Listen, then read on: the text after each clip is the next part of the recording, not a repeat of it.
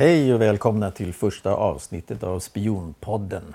Podden där vi kommer gråta ner oss i underrättelsetjänstens alla former och skepnader. Podden gästas av experter på området och de kommer kasta ljus över denna spännande verksamhet som både sker och har skett i det dolda. Jag heter Mikael Hylin och är regissör och producent och har sysslat med bland annat grävande journalistik, dokumentärfilm, långfilm, tv, opera och eh, mitt senaste projekt är dokumentärserien Palmeträsket och mordrättegångarna som ni kan gå in och streama på Viaplay. Idag gästas Spionpodden av Vera Efron, expert och författare, född i forna Sovjetunionen och som flydde till Sverige precis innan murens fall 1989.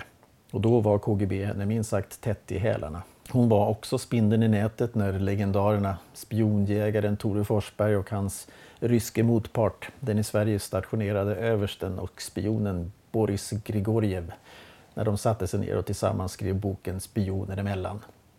Men eh, hur blir man egentligen spion och hur värvas man? Jag skulle vilja börja med att fråga dig Vera, vad var det egentligen som fick dig att till slut fly och lämna forna Sovjetunionen? Jag var verkligen under hot. Så eh, de började omringa mig och uh, den här cirkeln den höll på att slutas. Jag blev ju rädd och jag var tvungen att fly. Vad jag gjorde där, jag var ju uh, politisk motståndare under alla mina ja, vuxna år och uh, mycket medveten om Sovjetunionen, vår diktatur. Det gällde att antingen hamna i fängelse eller stanna. Men vad var det som gjorde att du var så rädd? Vad gjorde de? Ja, förföljelse, eller när KGB eh, sätter sig i ens eh, spår så eh, märks inte det från början. Det, det är bara subtila sådana tecken. Till exempel, man känner på ryggen att det är någon går bakom dig. Det, det är subtilt, så man blir lite sådär misstänksam. Men sen Eh, min telefon blev ju eh, avlyssnad. Och det märks, eh, det märks väldigt tydligt. Och det, det var gammal teknik då på 80-talet. Det klunk, klunk hela tiden i, på, i luren. Men det, det värsta var när jag kom hem. Och då, då, dörren var låst. Jag öppnade dörren. Då satt ju två män i grå kostym i min soffa. Och då förstod jag, aha, nu måste man göra någonting åt det. Blev du kontaktad av svensk underrättelsetjänst? Kontakter? Uh, nej, inte då. Uh, inte, inte som jag uh, tror, men jag vet aldrig. Så det, var ju, det finns ju en legend i, i, i Sverige, eller fanns, han dog, Sigge. Han var, han, det var han som grundade tolkskolan i Uppsala. Uh, och tolkskola, eh, det var ryska som undervisades där och han var eh, uh, fantastiskt uh, eh, bra i ryska. Och sen uh, hade vi kontakt, privat kontakt också. Så om de hade intresse i mig, vem jag var, om jag, det vet jag inte. Så han dog. jag vet inte. Men förmodligen ja, var, man ganska undersökt. Men eh, sen när Tore kontaktade, Tore Forsberg kontaktade mig, han var pensionerad... Eh, chefen för, för detta chefen för kontraspionage, ja, Säpo. Ja, ja ryska roteln. Ja. Så jag, jag, tror att uh, faktiskt uh, underrättelsetjänsten, de känner mig väldigt väl. Och har de kollat mig, jag, jag tror det säkert. Varför, varför kontaktade Tore dig? Ja, det var intressant.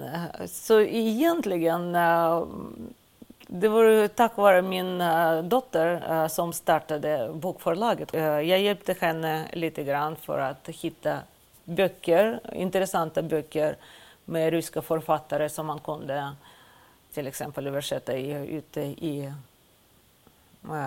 i Sverige.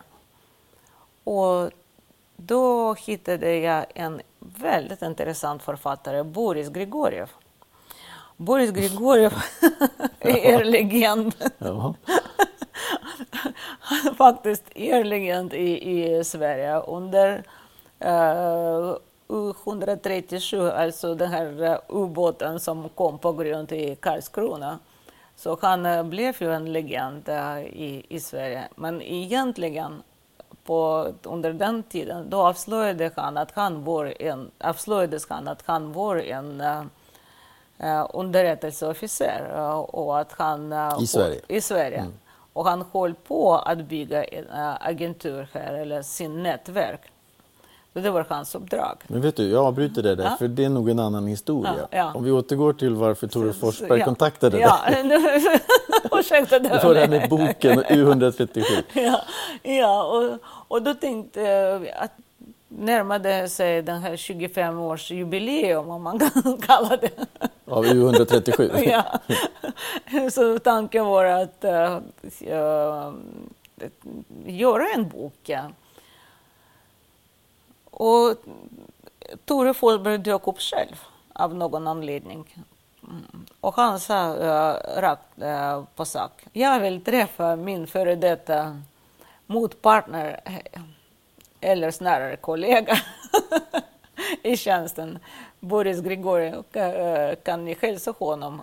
Då flög jag till Moskva nästan direkt och så övertalade Boris Grigoriev att jobba med Tore mm. för att uh, göra en bok. Det var väldigt intressant. De uh, var ju motparter under samma tid. Tore var uh, chef för kontraspionage i Sverige. Boris gjorde nät, så de var faktiskt motståndare. Skulle de skriva en bok, det var häftigt. Men det, det häftigaste var deras första möte. Det var absolut häftigaste, men det kan jag berätta sen. Men eh, även tid med äh, att jobba med boken, för att äh, vi var tre som jobbade med boken Spioner emellan. Äh, när Tore berättade om sina historier och Boris berättade sina historier. Så det var jag som intervjuade dem, redigerade boken, Eh, gjorde den ja, sammanhängande på något sätt. Så det var min absolut bästa tid uh, som författare och redaktör. Uh, jag tackar. Vi, vi drack faktiskt väldigt mycket vodka tillsammans. Vi satt här på verandan och hade fantastiskt bra tid. Fantastiskt bra tid. Och efter det då fortsatte jag uh, hålla kontakt med Tore han berättade massor med uh, historier om sitt arbete, om sitt arbete med Ryssland, ryssarna och i Ryssland, uh, om allt möjligt. Men han bad mig att uh, inte publicera eller berätta om någonting förrän han dö, dör. Men en bok bad han mig att skriva, det var om Erika Wendt. Alias? Mm, Onkel. Uh, ja, kodnamn Onkel. Mm. Ja, den, den, han bad mig att skriva om henne. Han kände någon skuld att uh, svensk underrättelsetjänst betedde sig så illa mm. mot uh, en agent. Uh, en av de absolut bästa agenterna uh, genom tiden för Sverige. Vi skulle faktiskt tacka henne för att Sverige undvek vara eller bli inblandat i andra världskriget mm. och sparade på massor med människors liv och uh, lidande och mm. elände. Mm. Så det är tack vare henne. Men hon riskerade sin eget, sitt eget liv. Och hon var så modig och gjorde det för folk som hon älskade. Hon älskade Sverige, hon älskade Nils Holgersson, hon älskade en svensk man. Hon mm. blev ju involverad eh, i spioneri genom Robia och Julias metoder. Mm.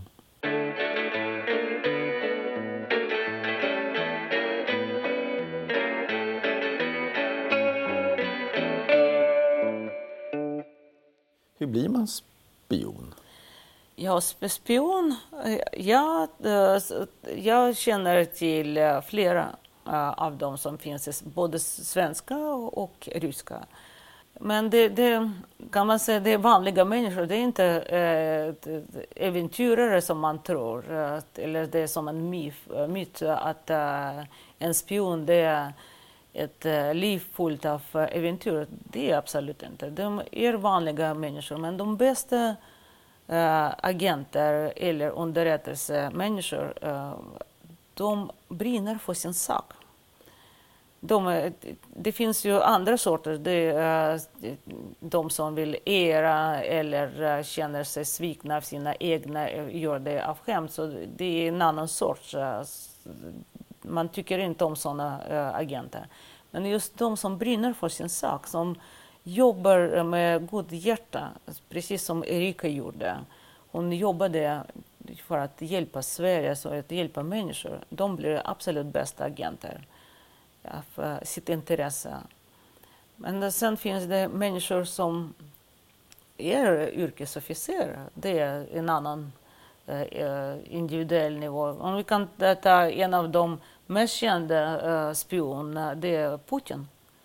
Han jobbade i underrättelsetjänst uh, i Tyskland, det vet alla.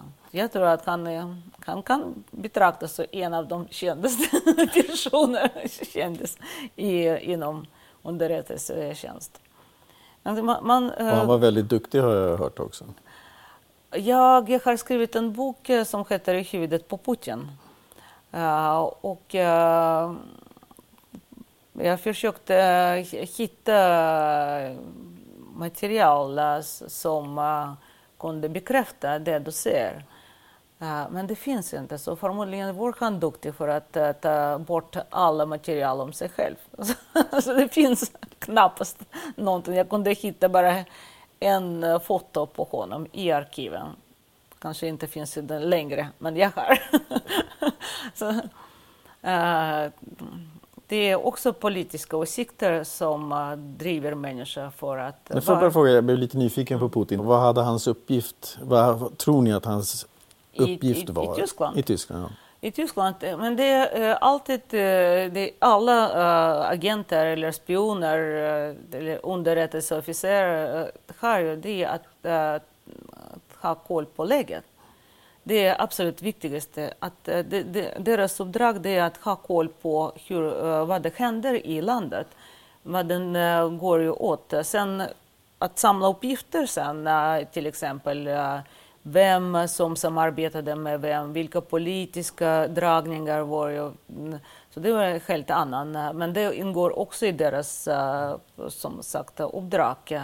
Men eh, de, eh, de flesta agenter som är på lägsta nivå, de samlar bara uh, sån här temperaturen eller har koll på läget. Men Putins uppdrag förmodligen var det en av dem. Alltså, ingenting speciellt fast uh, ja, han jobbade som ja, någon kulturattaché kan man säga, mellan länderna. Om man kan kalla det så. Ha, ha koll på läget. Kulturattaché. Men vi pratade om hur, hur, hur, man blir, vad det är för typer av människor som, som blir agenter eller så kallade spioner. Och, och hur går Ryssland tillväga för att... Värva in? Ja, till ja, exempel. Uh, om man plockar dem, om vi pratar civila, ja. absolut. Uh, om man tittar på hur Putin gick till uh, hans väg han var en av de duktigaste studenter på universitet. Han gick på samma universitet som jag, fast fem år tidigare. Så man plockar de bästa studenterna som visar sig vara trogna och pålitliga, Vissa olika drag. KGB-enheter, som det kallades, första avdelning, det, det fanns ju på absolut alla arbetsplatser. Det fanns eh, på eh, Leningrads universitet också. Och man blir kallad dit ganska ofta, speciellt de som var ledare. Jag blev kallad dit uh, flera gånger just för att jag var politiskt aktiv under mina studentår. Mm. Uh, och då var det varningar och så uh, man börjar värva in redan och jag känner på person, hans åsikter, skulle han vara pa passande eller inte jag hade eh, bekanta eller vänner från eh, den här juridiska fakulteten som det kallades eh, på den tiden jag var där och studerade. Och så det var några av mina bekanta, de värvades in. Jag har ju fortfarande en sån ja, rysning. Alltså, jag, jag, jag dejtade en kille som eh, ja, kan vara ett år äldre än jag och, och skulle avsluta sina studier. Så han pratade om att eh, vi skulle eh, kanske gifta oss och allt. Och sen kom han en gång på dejt och sa vi måste tyvärr bryta vår förhållande. Jag sa varför det? Ja, jag fick varning och jag fick en tjänst. Så efter att jag har slut, efter att jag har fått examen så ska jag jobba i organisation där det är förbjudet att umgås med sådana som du. Och, till, och även att få förhållande med det, det kan jag inte. Och det var ju min första möte kan man säga. Så då var han värvad? Ja, då var han värvad och han mm. studerade på samma fakultet som Putin, på juridiska fakultet. Då blev han värvad, men han varnade mig att uh, jag var redan opålitlig person. Sådana som jag får man inte ha som uh, eh, fruar om man jobbar i underrättelsetjänst. Men hur kunde den här värvningsmetoden för, för din, ditt ex, hur kunde ja. den se ut? Ja, man, eh, för det första det, det är också en eh, heder att jobba, som man ser, att eh, jobba åt statens säkerhet. Och sen värvningstekniker, de är väldigt sofistikerade. Först ser man till personen till exempel att han är utvald. Då hör man redan hans status. Då är man utvald av till exempel tusen människor eller tusen studenter. Då eh, väljer vi en. Då känner man sig redan hedrad, utvald. Och då eh, ser man av vilka, vilken anledning, till exempel av den som passar en. Om man eh, vill vara till exempel hedrad för sin intellekt eller till sin logis, logiska tänkande. Det beror på vad man reagerar. Så det, den här värvningsteknik det är väldigt sofistikerat. Man, det fungerar. Fåfänga alltså? Ja, fåfänga. Mm, mm. På många människor. Mm. Det är fåfänga som gäller. Och sen det, de hade bättre löner, eh, förmåner också. Och blir man utvald, har sådana förmåner, så vi lever en gång. Varför inte? Så... Men är det inte också lite risk att ta någon lite för lättvindigt? Alltså, om, om, om det är någon som verkligen vill bli mm. agent, kan man inte tycka kanske att det är ett litet, en liten varningssignal?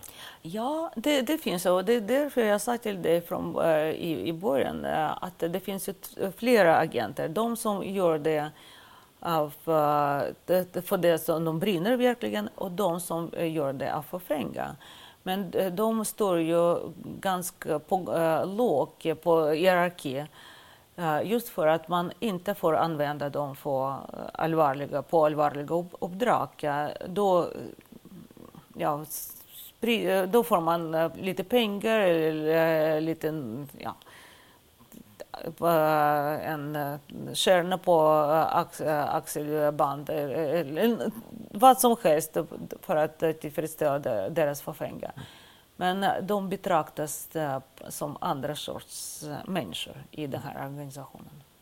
Vilka är det som anses som de första klassens människor? De som brinner, det var ju om, vi, vi tar ju till exempel med uh, det här atombombens uh, agenter som tog den till Ryssland, information till Ryssland. De är mest hedervärda. Man ska ju förhindra krig. Och det står ju på absolut högst, eh, högsta nivå. Hur, hur gick det, det till?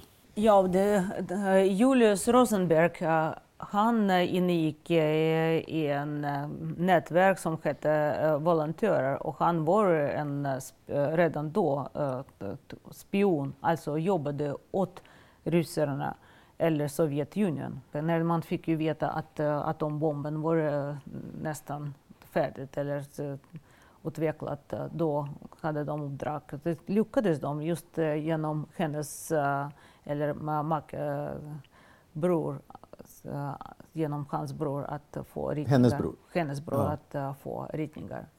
Men det var den som först vinner.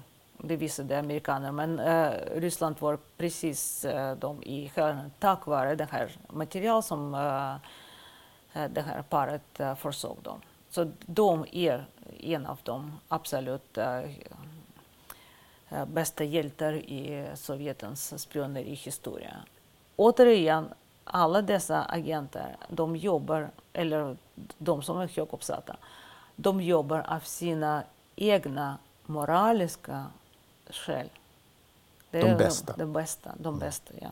Om vi tar uh, andra världskriget, så det är många svenskar som uh, tyckte om uh, till exempel tyskarna, deras sätt att ja, arbete, eh, hålla sig i ordning, militärsätt. militärt sett. Eh, så, så, man kunde väldigt enkelt ta in dem i underrättelsetjänsten just på att deras missnöje med uh, hur Sverige agerade mot Finland. Mm. Så det finns missnöje. Man hjälpte inte uh, finska bröder när Sovjetunionen anföll uh, Finland 1939.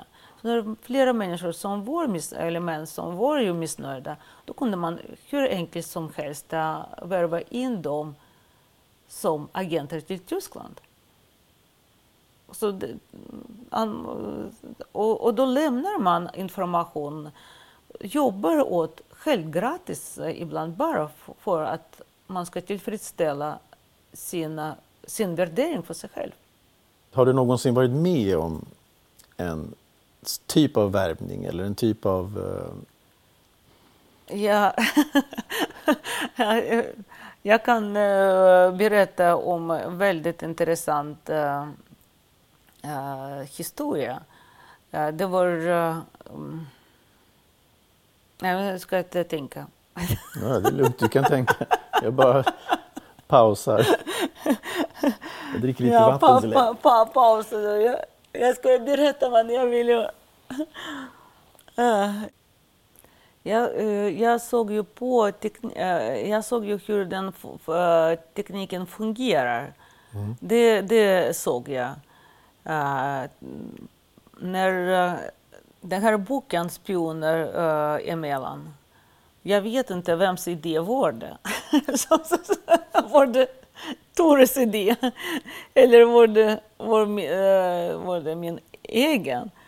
Så egentligen, det är väldigt, väldigt äh, konstigt känsla, som du säger, så, subtila. Så det, varför kom Tore till oss äh, på förlaget? Varför äh, började han prata om det här? Det, han sa först eh, att eh, det var väldigt trevligt att uh, se mig första gången. Och sen uh, några veckor efter vi, vi satt och drack vodka, uh, kommer jag ihåg, på vår veranda med Boris Grigoriev och då säger han att Vera känner jag sedan länge. Uh, hon är väldigt duktig äh, kvinna, jobbar hårt i Sverige. Aha, tänker jag. Då han träffade mig för några, dag, några veckor sedan. Så hur det går till. Alltså det, äh, jag kan också analysera och lyssna på, på folk. Och det, det, var det, hans, det var hans idé att få tillbaka äh, Boris Grigoriev, att få honom in till Sverige för att uh, förmodligen kolla hur, uh, ja, ta lite mer hemligheter från Boris, inte bara det som han skriver om hur man bygger upp uh, agenturnät uh, här i, i Sverige. För att jag, När är vi? Vilket år är vi nu? Uh, 2005 eller 2005, ja, runt 2005. Ja, ja. Mm. Och jag trodde alltid att det var ju min idé att sammanföra det. Men uh, jag, jag, jag, tror faktiskt att eh, det var ju Tores rävspel. Han är en fantastisk man.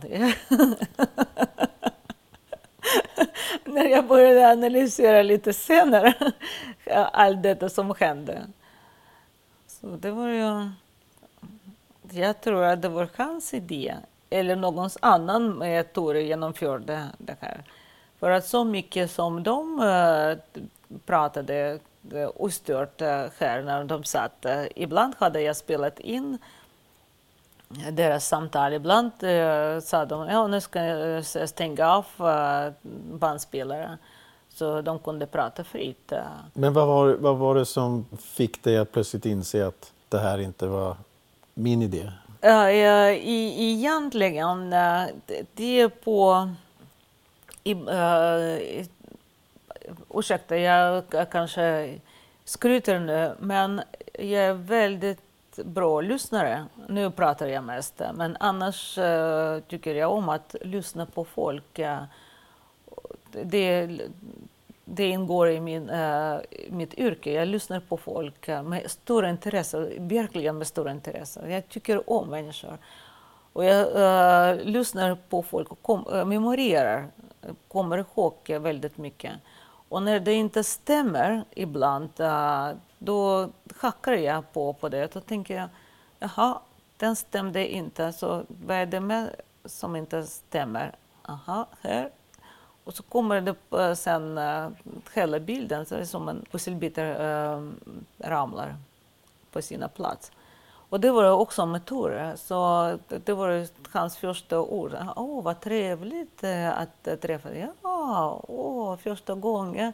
Och sen visade det sig att det var inte första gången. Han såg ju mig tidigare, att jag kan inte förändras. Han följde mig i flera år förmodligen, eller läste på. Jag vet inte, han var intresserad. Och sen kom det andra också, små pusselbitar. Alltså det, det, Som? Flera av mina mm, ja, ja, fakta om mitt liv. Så han var ingående uh, insatt i vad jag gjorde och hur jag bodde i Sverige, så vem jag kände. Så det kändes att uh, han hade mig under uh, uppsyn på något sätt. Av någon anledning. Jag kan bara gissa. Gissa? ja, jag, tror att uh, man var intresserad uh, av mig just på grund av uh, nu, nu ska jag berätta, jag vet att vi kanske klipper bort mm. det här. 96 eller 97 så hade jag väldigt täta kontakter med eh, Sankt Petersburg borgmästeriet och eh, vi, eh, jag genom eh, sitt, eh, mitt företag etablerade en bra kontakt med Skatteverket eh, i eh, Sankt Petersburg.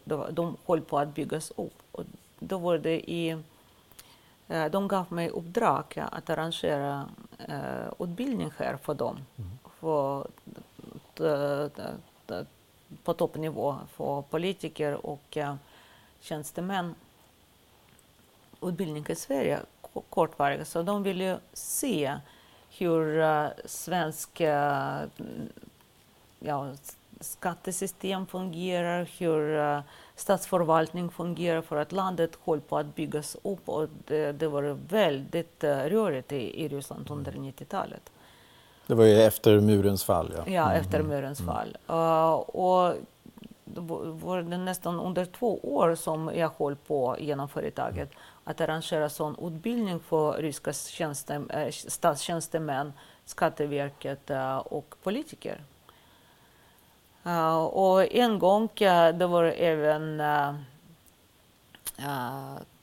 finanspolisen här. Och finanspolis det är bara underrättelsetjänstemän mm. eller underrättelseofficerare som jobbar där. Och det, var, det gäller pengastvätt. Och de, deras, deras besök var här, det var inte officiellt. De kom hit för att träffa sina kollegor och de bad mig att organisera det. Men det var inte officiellt? Det var inte officiellt. Att organisera, de skulle träffas och det gick ju via svensk underrättelsetjänst och rysk. Det var på, på finanssidan. Så det var ju kanske därför. Mm. Och de flesta av dem som då var här på besök, de jobbar numera i rysk regering fortfarande. Mer kan jag inte berätta. Nej, men det finns mer att berätta. jag kan inte berätta.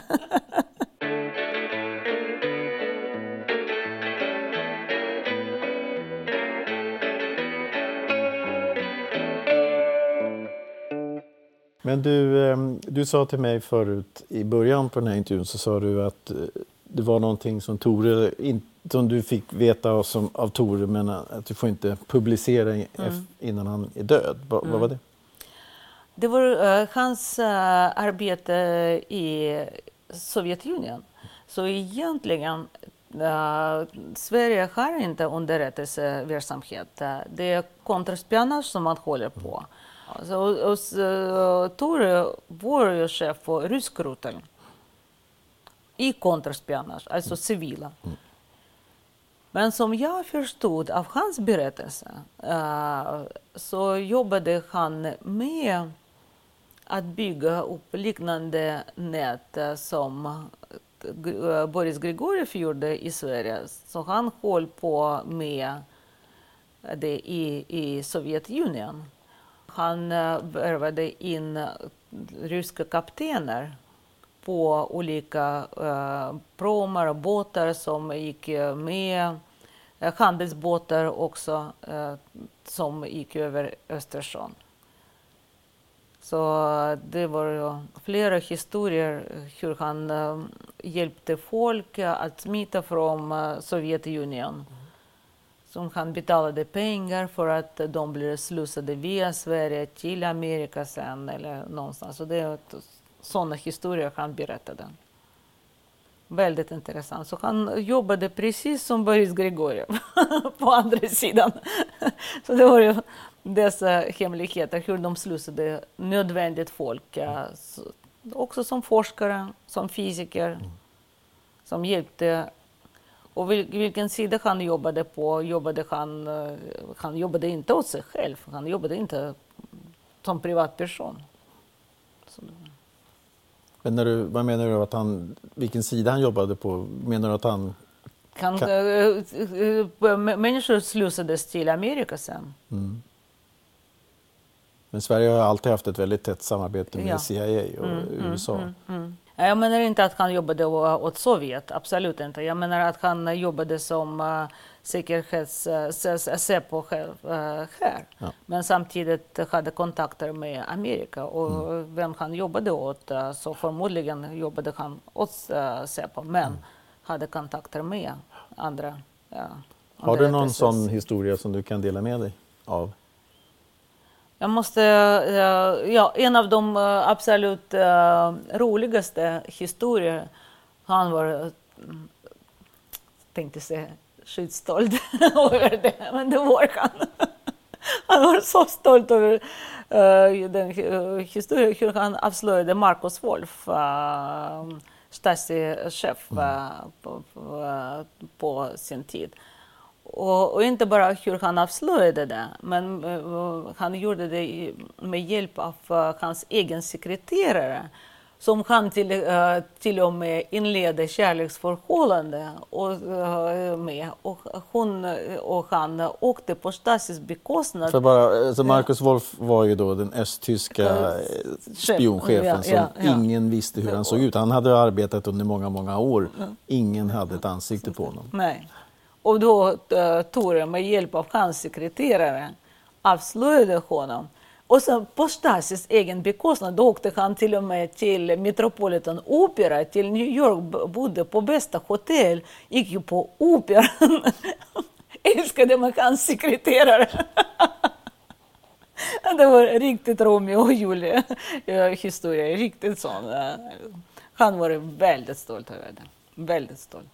Så, så han, han inleder ett förhållande med Wolfs sekreterare och trakterar henne och, och berömmer och åker till New York och går på, på Metropolitan och på så sätt eh, sakta men säkert så är det hennes fåfänga som får honom att Ja, med kvinnor, det, jag tror inte fåfänga, det är mest uh, Romeo och Julia-metod mm. som uh, hjälper till. Okay. Och, och Tore var riktigt charmör. Han var så snygg, även på gamla dagar. Han var riktigt charmör. Han kunde uh, Linda, Linda vilken kvinna som helst runt lillfingret. Så det kan vara... Men om man visste vilken som var hans sek Wolfs sekreterare, då hade man inte redan då avslöjat? Nej, det var ju... Uh, det var också slumpmässigt. Uh, så det var, Tore han var väldigt intelligent och mm klyftig människa. Så han kom åt information att hon jobbade åt någon agent. Så det, så, när de avslöjade agenten så då visade det sig att han var ju Marcus Wolf. Mm. Så, men han trodde, han trodde inte själv först att det var Marcus Wolf han kom åt. Så, men, och, och, och, som jag minns det, som Tore berättade, då, var det, då lyckades en, en svensk eh, Säpoman ta en bild av mm. mm. den här Wolf mm. på, i Stockholm ja. dessutom. Ja, ja, och när man visar bilden för Wolf själv. Varför var det så viktigt? Ja, det, eh, Stasi hade eh, massor med sina agenter här i, i Sverige och eh, Sverige var alltid som en ja, Casablanca, spioncentral i äh, Västeuropa få sin neutralitet, få äh, sin plats, få sin uh, politik. så det var en riktigt mötesplats. så det, just för sin neutralitet, då kunde Eh, vilka som helst komma till Sverige och åtminstone dela med eh, information och, eh, umgås med varandra. Så ibland det, det räcker med ett ord eller ögonbrynshöjning för att förstå att ah, okej, okay, den här informationen det är sann eller falsk eller någonting. Så, man lär sig i sådana spionskolor, man lär sig att läsa på folk. Uh, man, man, lär sig verkligen, så jag, jag är väldigt, väldigt förvånad hur man kan läsa just på mimik och kroppsrörelser. Men det, det kunde de. Det var ju just spioncentral i Stockholm för att uh, alla skulle komma hit och uh, ja, känna varandra, umgås. Det är hur som helst kollegor.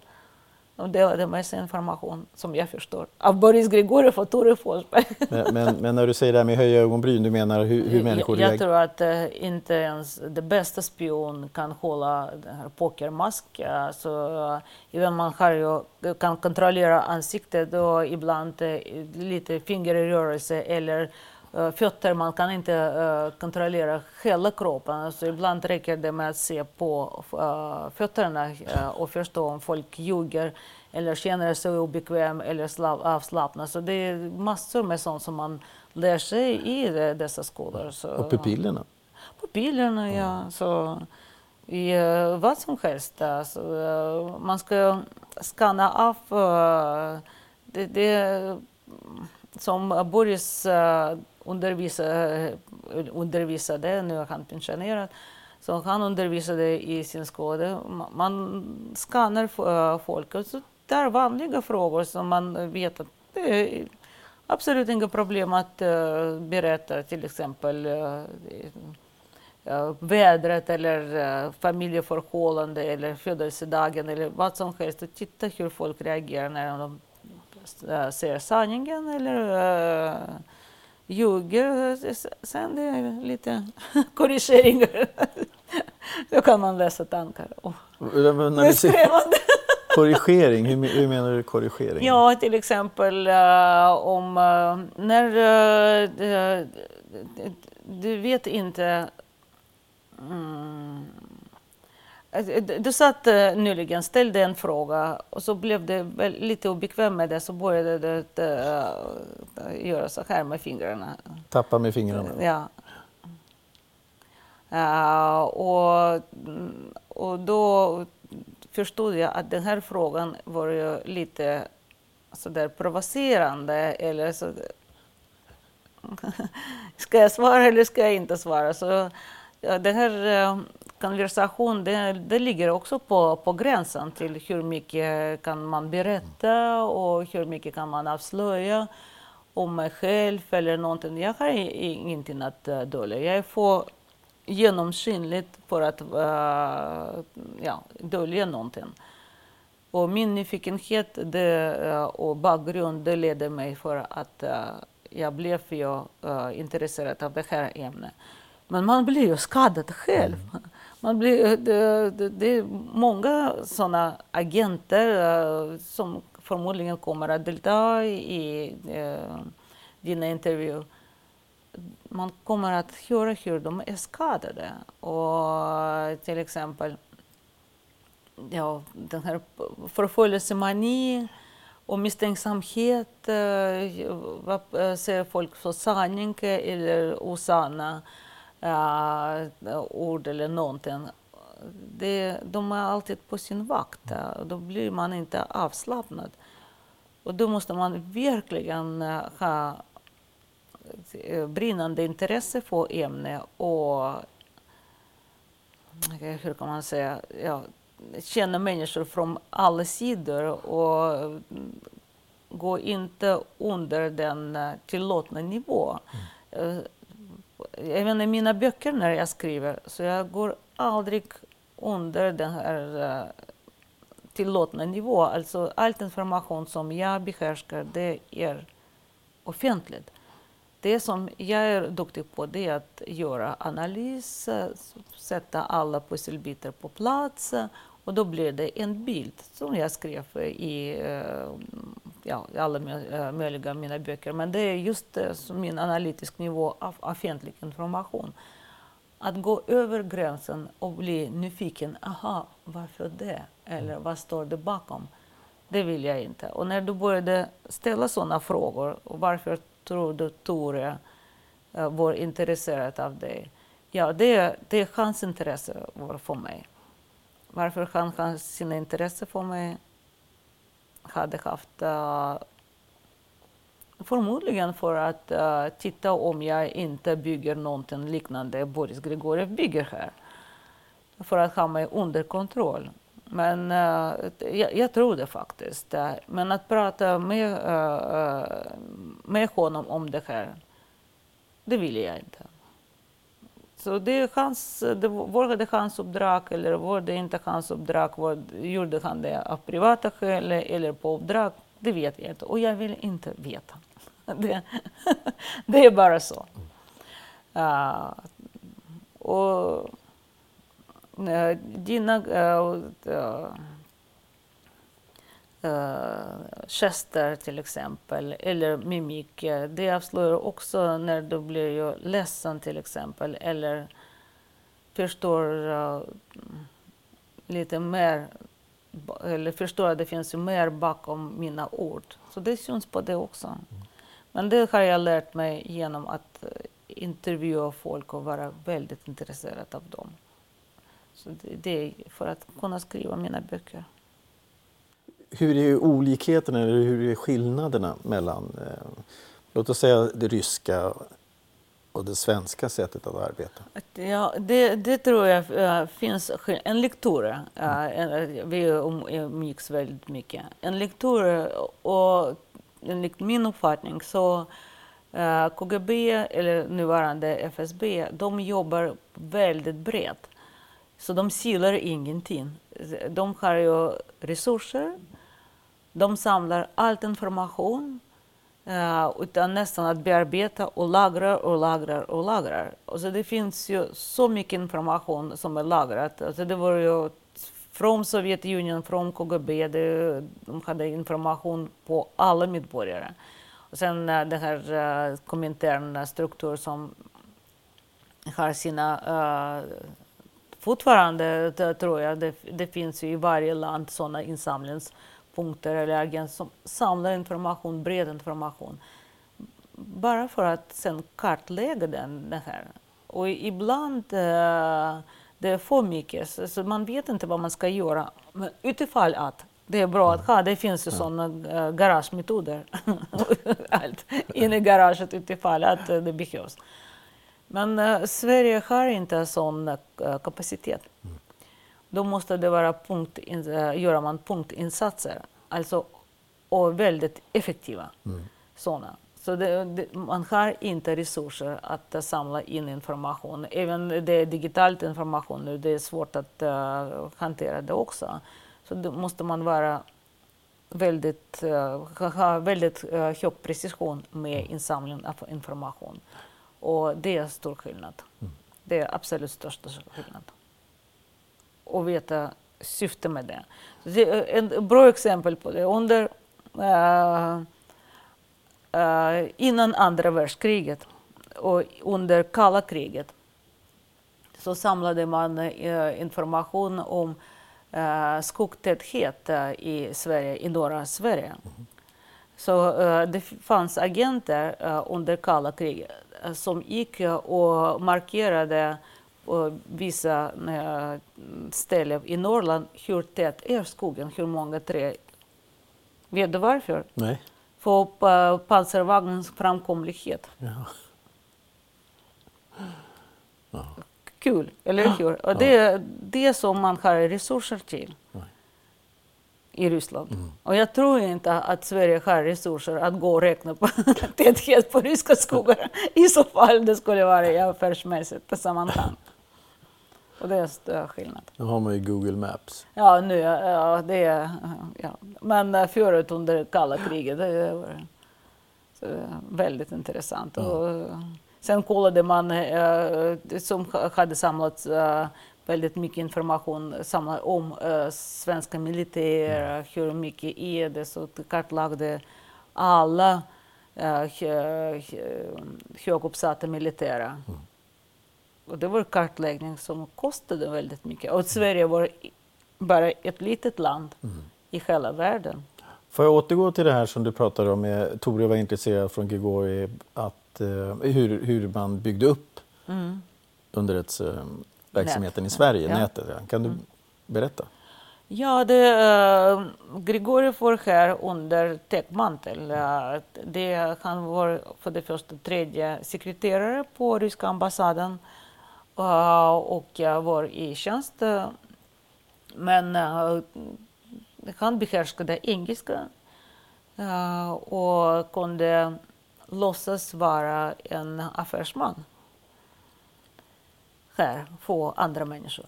Uh, och som han berättade, det tog ju ibland uh, upp till uh, två år att eh, närma sig en person han eh, ville komma åt. Eh, ibland mindre, ibland mer, men det, det berättar han öppet. Att, att har de valt en person eller någon, till exempel på uh, Skatteverket, uh, på folkbokföring, det var det då på den tiden, uh, för att få adresser till folk. Då uppvaktades den personen ganska länge och det är enligt de mm. metoderna. Vänskap, uh, samma värderingar, uh, gå ut med hunden, uh, fiska eller vad som helst. Bara komma så nära person att han började prata öppet, alltså bli som en vän. Eller bilda uh, vänskapsförhållande, bilda vänskapsförhållande och lite personliga band. Sen eh, varför inte uh, göra en tjänst uh, för en sån trevlig person? Till exempel, oj, jag har ju tappat den här lappen eller någonting, vad folk bor, jag har skrivit. Så ibland går det väldigt enkelt med även små lögner. Så mm. små och, och ger en stor flod, eller vad heter det på svenska? Många bäckar små. ja. Så på så sätt. Men äh, ser man att, eh, att person, att, har man någon missnöje, det är absolut bästa sättet att äh, värva in folk på missnöje. Och då vrider man på det här lite grann. Det är därför det, man tittar på hur det är nu i, i Sverige med politisk situation, många missnöjda med uh, politiska åtaganden, med, uh, ja, det är ju sån missnöje som finns nu i Sverige, fanns inte tidigare när jag kom. Det är helt annan uh, nivå. Så det, är, det är naturligt, självklart, så utvecklingen går. Men på det här missnöjet kan man värva in hur många människor som helst. Och jag pratar nu väldigt allvarligt för att eh, uh, terroristfäste finns ju här i Sverige. Och det eh, känner till uh, många.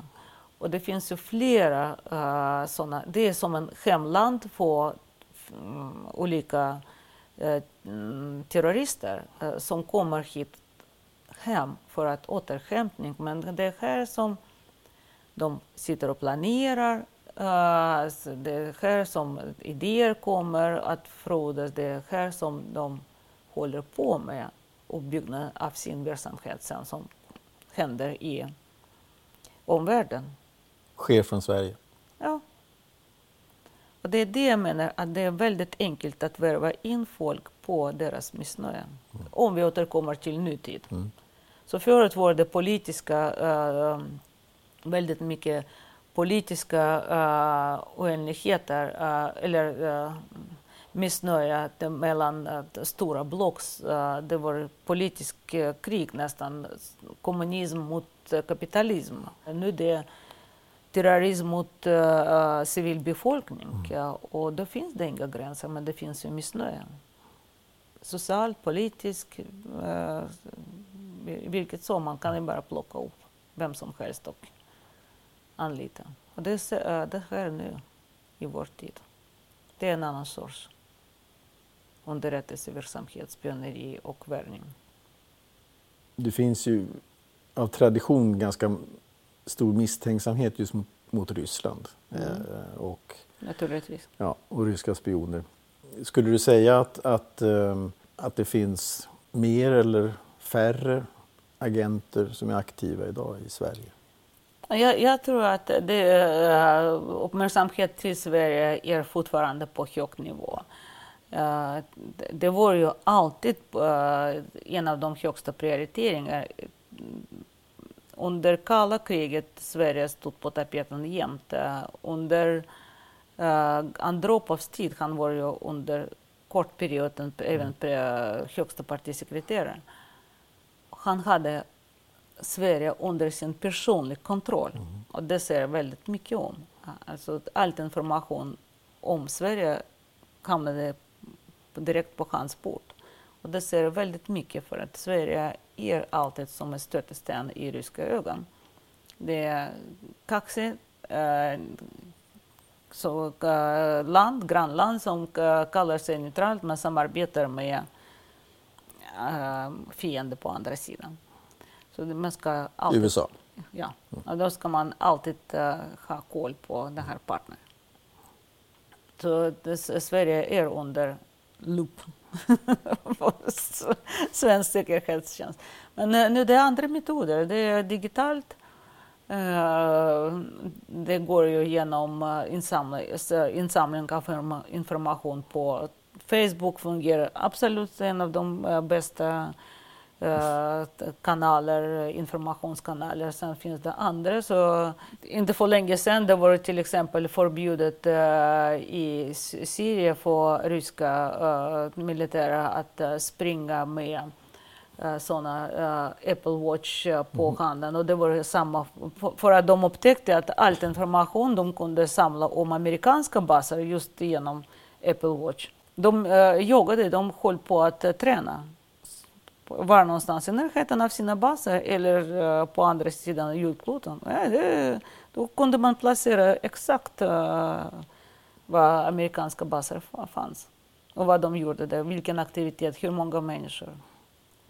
Och med den moderna nya tekniken så jag tror att man kan ju sitta ganska bekväm nära Kreml och spionera på Sverige det är djur med agenter hur, hur som helst. Mm. Det kostar. Agent, agenter på fält. Mm. Men du, jag tycker nästan att vi rundar av här som första avsnitt och jag vill tacka dig så jättemycket och jag är säker på att du kommer, eller det vet jag ju, att du kommer vara en återkommande gäst. Tack så mycket. Så tack för idag. tack själv.